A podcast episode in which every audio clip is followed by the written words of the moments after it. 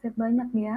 Nah, BTW nih Mas gitu, eee, ada nggak sih suatu mungkin kayak common mistake gitu kalau pas, eee, yang biasa PM-PM baru, misal kayak orang yang baru terjun di dunia product management gitu kan ya, pasti mereka juga bakal punya mengalami suatu masalah kayak gitu, atau ingin kayak kesalahan gitu yang pernah mereka lakukan. Biasanya common mistake yang pernah dilakuin sama new product managers gitu, selama ini ada ada ada nggak sih apa aja kayak gitu? Oke, ada beberapa yang udah mungkin terlintas di pikiran gue sekarang. Yang pertama ya, kalau menurut gue, mungkin mungkin ini nggak cuma PM ya, tapi kita semua sebagai manusia, kita terlalu cepat untuk melangkah ke solusi tanpa kita mencari tahu apa sih masalah yang sebenarnya terjadi gitu. Dan ya itu bahaya gitu. Karena sebenarnya gini bayangin ada orang yang bilang dia butuhnya A. Gitu. Tapi ya sebenarnya itu hanya akan menyelesaikan permasalahan pada saat itu. Tapi basic problemsnya itu lebih dalam lagi itu untuk menyelesaikan masalah A, B, C, dan D yang kebetulan disampaikan hanya A saja. Gitu. Atau uh, kita salah menangkap, kita salah salah salah mencari tahu gitu, bukan cari tahu. Kita salah apa ya? Salah-salah persepsi lah. Oh, masalah yang kita coba selesaikan B, padahal masalah yang terjadi adalah A.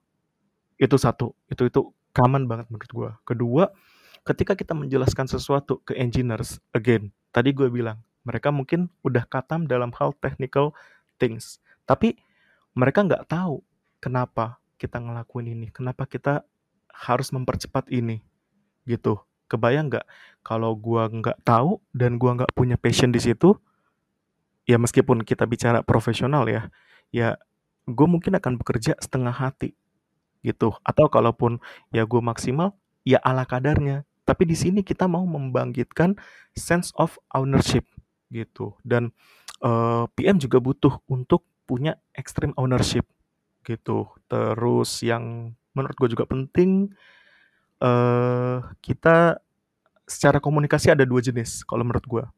Pertama, di internal squad itu sendiri, contoh engineers, designers, kita nggak bisa kita nggak bisa mengkomunikasikan dengan baik. Mereka bingung, mereka nggak ngerti, atau mereka nggak dapetin sense-nya dari kita. Which is, ya, itu akan berpengaruh banget sama implementasi akhirnya. Atau kedua, kita nggak mengkomunikasikan solusi yang udah kita buat ke stakeholders kita. Gitu, contoh, gue ngerilis fitur A, tapi tim customer support nggak tahu. Tiba-tiba pas sudah rilis, ada customer yang komplain, kok A nggak jalan? customer support nggak tahu dong, nggak tahu apa-apa.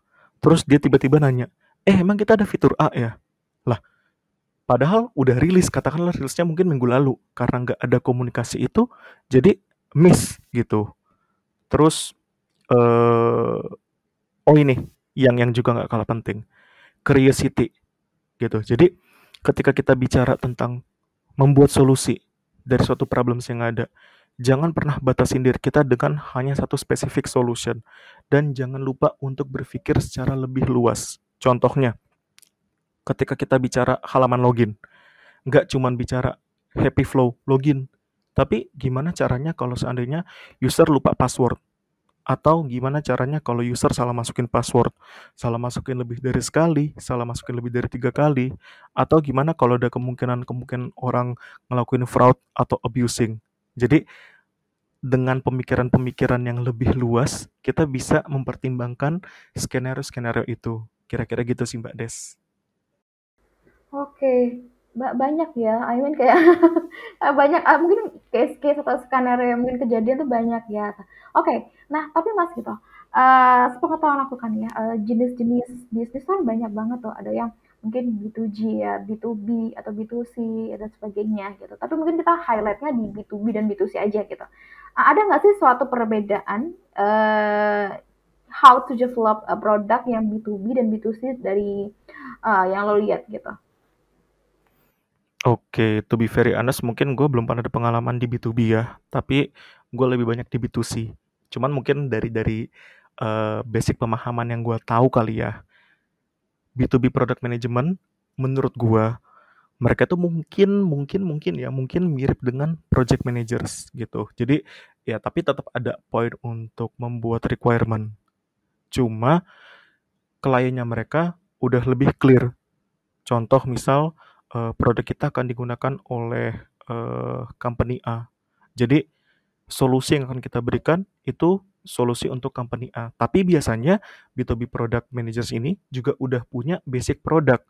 Contoh misal produk investasi gitu. Kita udah punya basic produk investasi itu sendiri. Tapi mungkin ketika kita kerja sama sama company A, mereka butuh adjustment. Kerja sama dengan company B butuh adjustment. Tapi minimal sudah ada A-nya itu sendiri. Sementara kalau B2C product management, contoh gue ambil misal eh, aplikasi buku warung. Aplikasi buku warung bisa diakses oleh seluruh warga negara Indonesia selama mereka pakai Android apps. Itu pinter-pinternya CPM gitu untuk eh, gathering apa sih masalah yang harus mereka bereskan. Mungkin dalam sehari bisa banyak masalah yang muncul. Tapi apakah semuanya matters? Enggak, belum tentu. Pertama, bisa jadi mungkin ada masalah koneksi. Ya di situ di mana SPM kita juga perlu mikirin uh, being proaktif lah untuk ngecek oke okay, isu itu bisa di reproduce atau enggak. Atau uh, other than that ketika kita nge-solve sesuatu ternyata itu lebih hanya untuk segmentasi customer yang sangat kecil tapi kita miss untuk menyelesaikan masalah yang mana itu power user kita atau orang-orang yang paling sering menggunakan aplikasi kita. Gitu sih kira-kira, Mbak. Oke oke. Nah, eee, terus nih kalau misal eee, thank you banget ya udah dijelasin tentang bedanya si B2B dan B2C kayak gitu. Nah, tapi kalau misal masalah eee, tadi kan udah jelasin ya dari awal sampai akhir sampai ini kayak product management tuh kayak gini-gini, oh enaknya mungkin kayak gini-gini, requirement-nya kayak gini gitu. Tapi ada nggak sih something yang kayak eee, apa ya, gue gue bilangnya kayak sucks-nya jadi eee, product manager tuh apa gitu. Kayak ah, ini kayak a ada momen-momen terkhusus nggak ya? Kayak bikin kesel gitu loh jadi product manager kayak gitu. Oke. Eh, oke oke. Gue coba pikir ya, apa ya? Gue kebayang gini. Jadi ini ini based on my real experience ya. Gue pernah ditempatkan di satu produk yang mungkin gue nggak punya knowledge dalam di situ gitu. Jadi buat gue tuh wow. Parah gue belum ada experience dan itu benar-benar pressurize myself gitu. Ketika lu dapat produk atau dapat fitur yang mungkin lu tidak benar-benar paham di awal at the end sebenarnya itu akan menarik banget benar-benar challenging gitu. Tapi kalau kita tidak mempelajarinya dengan benar, ya itu akan terlihat, impact-nya akan terlihat di produk yang kita kerjakan. Itu pertama. Kedua, eh, kita bicara komunikasi. Oke, as a PM kita sangat dituntut untuk bisa berkomunikasi sebaik mungkin. Tapi nggak menutup kemungkinan namanya manusia masih bisa salah, ada part mungkin komunikasi kita kurang clear atau ada orang yang mungkin salah menangkap poin yang kita jelaskan. Gue ambil contoh, misal gini, uh, ada PM, ada engineer, ada designer. Jadi di suatu diskusi uh, PM itu udah menjelaskan ABC. Di desain juga udah dibuat ABC. Tapi ketika masuk ke tahap pengerjaan, yang dikerjakan A, B, dan C aksen. Ketika masuk ke tahap testing, QA akan mengacu kepada apa yang dibuat sama requirement PM dan designer. Ketika nggak sesuai, maka dari QA akan menganggap itu sebagai bugs atau masalah gitu. Dan kalau ternyata masalahnya pas ditilik-tilik lagi, oh ternyata engineer-nya nggak paham atau oh PM-nya yang kurang uh, menjelaskan dengan baik, yaitu cukup common terjadi dan ketika itu terjadi jujur mungkin di awal agak panik tapi the more experience you are in the product managers ya lu akan lebih siap lah gitu untuk menghadapi dan menyelesaikan masalah-masalah yang seperti itu. Oke oke. Nah, uh, mungkin ini aku bakal kita mulai ngobrol ya, uh, mungkin interesting part nih. I mean kayak kalau misal kita ngobrol tentang interview gitu kan ya pasti kan hal-hal interview okay. ini kan lumayan interesting ya gitu.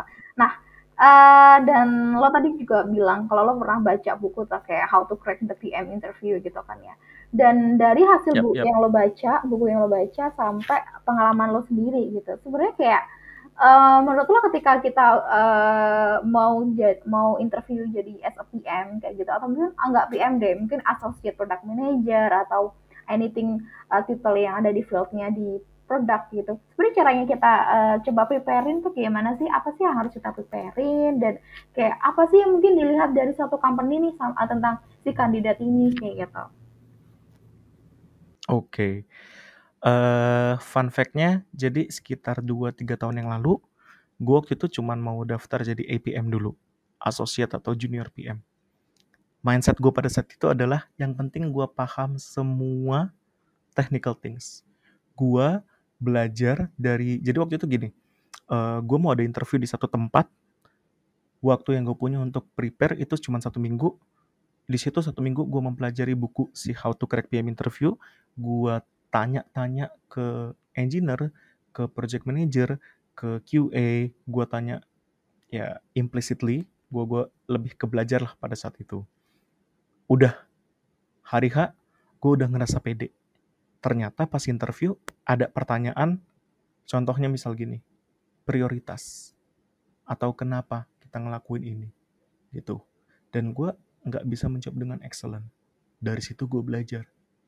As a PM atau as a calon PM, ketika menghadapi interview, kita nggak hanya perlu untuk bisa paham the technical things yang dibutuhkan, tapi kita juga perlu untuk punya pemikiran uh, as a data driven, I mean like data driven person, terus punya problem mindset, uh, sorry, problem solution mindset, dan itu akan terreflect gitu di interview-interview yang akan kita hadapin. Gua ambil contoh jadi di another another uh, attempt of the interview di situ gue dituntut untuk bisa nge-breakdown satu kondisi menjadi beberapa uh, pieces yang lebih kecil lagi gitu problem-problem yang lebih kecil contohnya ya contohnya mungkin kalian common siapa yang biasa nanya kayak gini uh, coba estimasi revenue dari Starbucks di Indonesia gitu. Ya, mungkin gue gua bukan yang expert banget lah ya untuk ngejelasinnya. Tapi gue bisa suggest kalian untuk cari tahu gimana cara menjawab pertanyaan itu dengan baik dari internet. Tapi beberapa hal yang mungkin gue bisa sampaikan, ada banyak yang harus kita consider dalam menjawab pertanyaan-pertanyaan tricky seperti itu. Contoh, kita cari tahu atau kita kita jelaskan seberapa banyak sih uh, warga negara di Indonesia. Lalu mungkin yang paling common, uh, common sense menurut gue ya, kita coba uh, breakdown dalam range usia. Mungkin nggak semua usia itu akan akan cocok sama Starbucks gitu.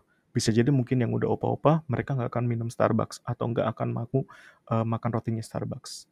Lalu uh, kita juga bicara misal purchasing behavior.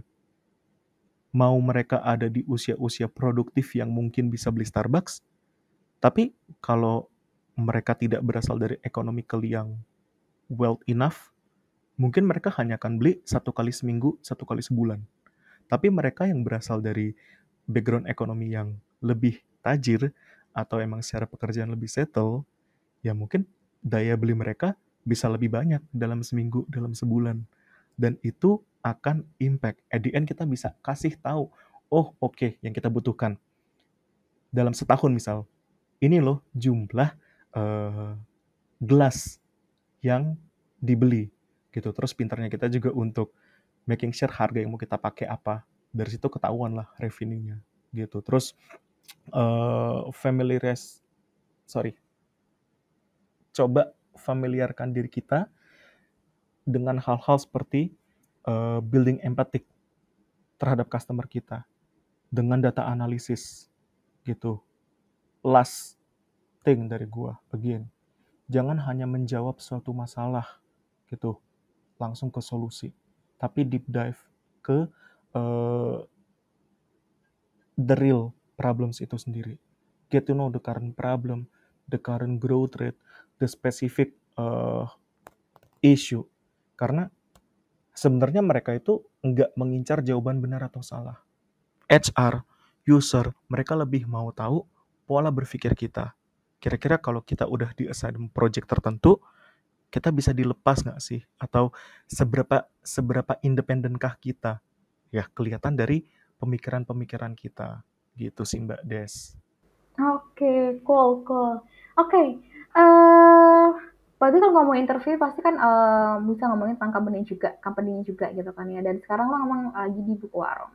I I have uh, my last question is, uh, are you happy in buku warung? Totally. Why? Why so? Jujur ya. Menurut gue ya, karena gini, uh, kesenangan terbesar atau apa ya, yang yang paling besar menurut gue. Pertama, gue gue join di sini as a founding team. Gue punya visibility yang begitu besar untuk bisa ngobrol langsung sama founder gue, Chinmay. Itu mungkin kalian familiar, Abinai.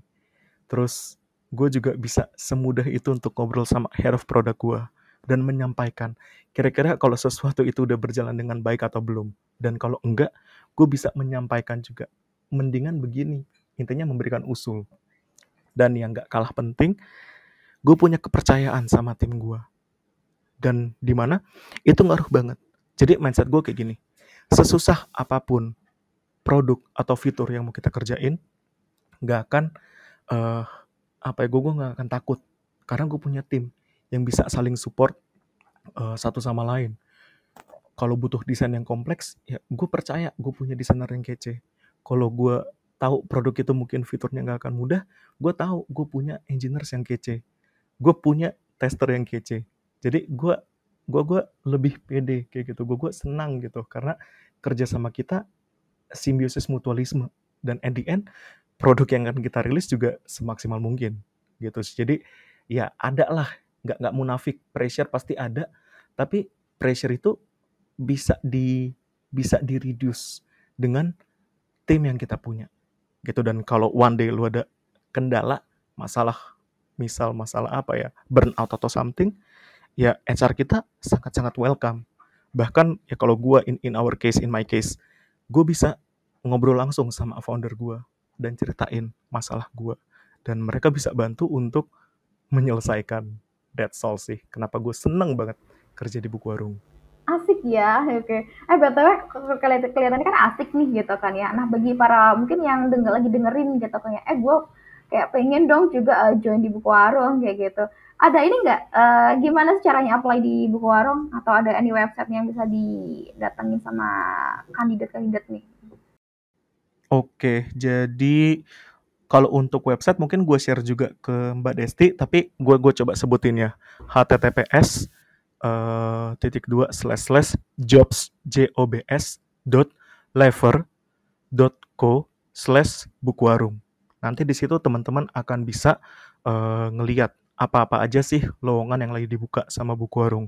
Kalau bicara strategi, ya apa yang tadi gue jelasin aja di awal karena semua yang gue jelasin di awal itu semuanya itu adalah segala sesuatu yang memang kita cari di buku warung orang-orang yang punya ownership yang tinggi orang-orang yang tahu dia harus melakukan apa orang-orang yang detail oriented orang-orang yang being resourceful orang-orang yang sadar di mana dia dibutuhkan dan seperti apa sih dia bisa berkontribusi itu dari gue Wow, oke oke, keren keren. Oke, uh, mungkin ini kita kan udah ngobrol lama ya dari tadi gitu ya, uh, dan mungkin sekarang Yes. udah masuknya masuk ke close closing gitu. Kalau ada ini nggak, mungkin di akhir kita ini ada uh, suggestion gitu sama uh, pendengarnya kita, kok oh bagi orang-orang yang pengen lagi mau start karirnya di produk kayak gitu. Oke, mungkin mungkin ini nggak cuma produk ya, tapi lebih ke general. Pertama, get to know your career path, your passion, kesenangan kalian ada di mana, gitu. Dan carinya itu sampai ke perintilan-perintilannya, apa yang dibutuhkan, dan kalian ngelakuin mapping ke diri kalian. Katakanlah misal requirement ya, apakah kalian sudah memenuhi requirement A, requirement B, requirement C kesenangan juga. Apakah kalian sudah senang dengan requirement A, requirement B, requirement C? Kalau belum, ya means you have to invest to yourself. Nah, di sini nih, kalian bisa mungkin spend some of your money, mungkin ya ada bahkan ada mungkin yang gratis gitu. Kalian cari-cari di buku, uh, sorry di internet, ebook-ebook yang mungkin gratis atau kalau harus berbayar ya udah beli aja online course kayak Udemy gitu atau install aplikasi. Yang penting sesuai dengan kebutuhan kalian. Spend specific time. Gua kemarin abis denger YouTube, gue lupa spesifiknya apa. Tapi intinya dia bilang gini, uh, gimana caranya kita mau moving ke a new uh, journey kayak gitu ya at least dalam sehari kita spend 2 sampai 3 jam untuk belajar.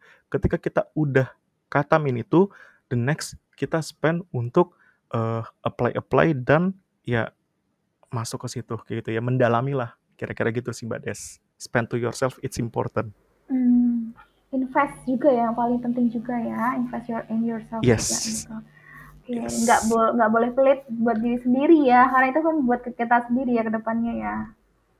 Yes.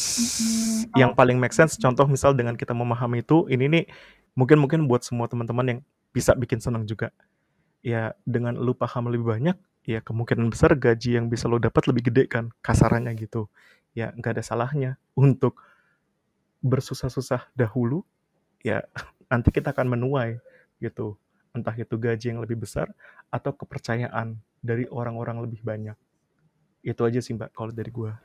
Wow, oke oke. Oke, ini kayak ini udah kayak hampir 53 menit dan kayak isinya tuh daging banget sih menurut gua kayak apa yang lo bilang dan lo ceritain kayak tadi. Oke, thank you banget ya uh, Mas Hendy uh, apa untuk sharing kita kali ini gitu bener-bener lengkap daging dan kayak informatif banget sih dan kayak inspiring banget sih buat gua bagi orang yang gua tuh nggak ngerti tentang produk. I mean kayak gua ada di di luar produk uh, manajemen kayak gitu. Thank you banget ya Mas Hendy uh, untuk waktunya. Uh, oh iya, uh, btw teman-teman, uh, di peduli digital ini kita lagi ada uh, kayak aku tadi bilang ya, kita tuh sekarang lagi ada di minggu-minggu uh, bulan-bulan untuk uh, apa ya kita benar-benar ngadain banyak event di product management temanya gitu dan salah satunya yang uh, mau upcoming adalah uh, short bootcampnya kita gitu dan kebetulan short bootcamp bootcampnya kita ini diisi sama uh, Mbak Ade Putri nih atau panggilannya Ciko, dia ini uh, product manajernya di Flip gitu. Pasti teman-teman pernah denger ya Flip itu apa? Kalau misal uh, kita mau uh, apa uh, transfer gitu kan ya transfer ke bank beda rekening kita kan biasanya kita bingung nih, uh, aduh bayar lagi gitu kan ya. Nah pakai Flip kan gratis kayak gitu. Nah Mbak Ade Putri ini bakal ngajarin kita nih uh, tentang detail product management dari awal itu selama empat hari teman-teman dari tanggal 2, 3, 9 sama 10 Oktober kayak gitu. Dan uh, karena empat hari ini pasti benefit yang teman-teman dapetin kan bakal banyak banget kan ya. I mean kayak dari segi materi itu materi itu sendiri, habis itu nanti ada e certificate, habis itu ada career consulting, ada nanti ada, ada recording videonya juga dan grup interaktif yang nanti antara mentor sama hmm, studentnya kayak gitu. Dan itu harganya murah banget sih teman-teman. Ini kayak cuma ribu dan itu buat 4 hari. Dan itu kayak worth it banget sih menurut gue uh, dengan harga segitu kayak gitu. Jadi teman-teman yang mau belajar produk manajemen manajemen lagi, boleh yuk kita ikutin teman-teman ikut di uh, short bootcamp kali ini gitu. Pendaftarannya terakhir tanggal 1 Oktober. Kalau misal mau cek uh, detailnya lebih banyak lagi, uh, datang aja ke sosial media kita ya di Instagramnya Peduli Digital juga uh, dan link ini dan sebagainya kayak gitu. Oke, okay, paling itu aja teman-teman dari kita ya. Uh, thank you banget udah didengerin. Semoga ini bermanfaat buat teman-teman dan gak tambah uh, dapetin insight yang lebih lagi ya tentang product management kayak gitu. Oke, okay, thank you Mas Hendy ya so far ya. Oke, okay, thank you juga Mbak Desti dan tim Peduli Digital buat okay, kesempatannya. Oke, sip, sip.